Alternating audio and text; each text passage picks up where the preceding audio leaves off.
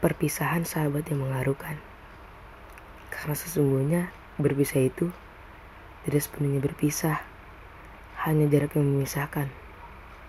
Tidak ada jarak tempat atau selang waktu yang dapat mengurangi persahabatan. Persahabatan benar-benar diyakinkan akan nilai satu sama lain. Kawanku, selamat menjalani aktivitasmu yang jauh di sana. Jangan lupa selalu ingatkan. Dan ingatlah, aku untuk selama-lamanya.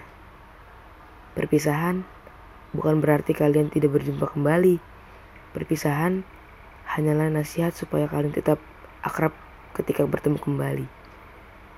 Manusia merencanakan pertemuan, namun Tuhan yang menentukan jika akhirnya harus ada perpisahan. Tidak ada yang harus disesali. Terima kasih, kawan.